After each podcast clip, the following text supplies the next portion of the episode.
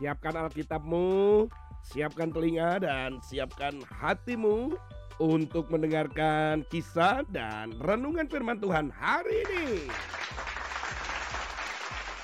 Wah, ada-ada saja nih anak-anak. Beberapa waktu lalu, tepatnya di kota Port, Florida, Amerika Serikat, ada sepasang pencuri yang memasuki sebuah rumah. Kemudian ketika mereka mengambil barang-barang curian itu, setelah keluar dari rumah, apa yang terjadi? Ternyata sepasang pencuri ini kesulitan membawa barang-barang curiannya. Wah. Kemudian apa yang dilakukan oleh si pencuri? Salah satu pencuri, seorang perempuan itu Eh, malah menelpon 911. 911 ini adalah call center apabila masyarakat di Amerika itu memerlukan pertolongan. Bisa jadi di dalam menghubungi 911 bisa saja pemadam kebakaran yang datang, polisi yang datang, rumah sakit yang datang. Pokoknya pertolongan apa pun.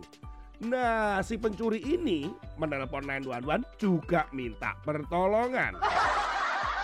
Dia mengatakan bahwa dia perlu pertolongan untuk membawa barang-barang curiannya dan tentunya pasti nggak ngomong itu barang curian dong. Dia mengatakan ingin membawa barang-barang pergi menuju New York dan dia perlu ke bandara dia perlu tumpangan untuk membawa barang-barangnya itu. Nah, saat itu dari pihak 911 ternyata menghubungi rumah alamatnya itu. Ketika dihubungi, ternyata berkali-kali teleponnya tidak diangkat. Artinya rumah itu kosong. Tapi kenapa ada orang yang telepon untuk mengangkut barang-barang ya? Nah, di sinilah muncul kecurigaan. Akhirnya yang datang tumpangannya ternyata adalah polisi. Tetapi sedang menyamar. Kemudian datanglah polisi ke rumah itu dan kemudian sepasang pencuri ini senang sekali karena dibantu untuk pergi dan membawa barang-barang curiannya. Tetapi ketika sudah masuk di dalam mobil dan barang-barang curiannya, ya tertangkaplah. Sepasang pencuri itu tidak pergi ke bandara tapi pergi ke Pok Poke. Ya, Pok Poke itu adalah penjaranya di Pok. Istilah penjara di Amerika itu ya ada katanya penjara itu istilahnya Poke.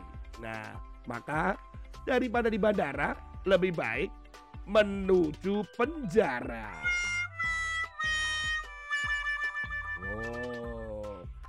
Wah, wah, pencurinya juga konyol juga ya. Firman Tuhan hari ini kita ambil di dalam Amsal pasal yang ke-28 ayat yang ke-9. Siapa memalingkan telinganya untuk tidak mendengarkan hukum, juga doanya adalah kekejian. Anak-anak, ketika pencuri itu menghubungi, ya, menghubungi 911. Nah, kita kita ini kadang kita menghubungi orang, bisa saja menghubungi orang tua lewat telepon, menghubungi saudara, menghubungi temanmu lewat handphone, lewat komputermu. Kalian bisa menghubungi siapa saja lewat tulisan, bisa lewat suara, bisa lewat video call. Tetapi ada satu hal yang kita harus tahu bahwa kita juga bisa menghubungi Tuhan. Bagaimana kita bisa menghubungi Tuhan? Yaitu dengan doa-doamu.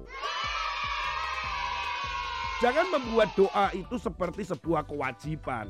Tetapi buatlah doa-doamu itu seperti komunikasi yang sangat akrab dengan Tuhan. Bagaimana kamu menceritakan sekolahmu, bagaimana kamu menceritakan ujianmu, tugas-tugas teman-teman, orang tua, apa pun yang kamu alami, kamu bisa menghubungi Tuhan dan berbicara kepadanya. Bukan seperti doa yang hanya sekedar dihafalkan, tetapi memiliki hubungan seperti ayah dan anaknya. Itu lebih penting.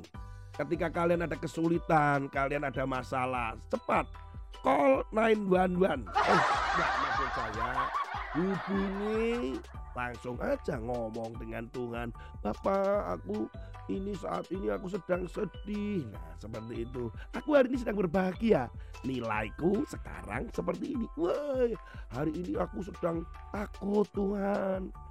Berbicara saja seperti seorang anak kepada ayahnya. Ingat bahwa Tuhan adalah lebih daripada 911. Dia adalah Allah yang bisa mendengarkan doamu. Bahkan bukan hanya doa yang terucap dari mulutmu saja loh. Tetapi juga apa yang ada di dalam hati dan pikiranmu.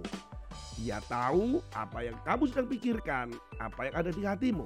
Di situlah kamu akan tahu bahwa dia adalah Bapa yang baik. Mendengarkan doa-doamu. Di dalam nama Tuhan Yesus, sampai ketemu jangan lupa berdoa. Dan Tuhan Yesus memberkati.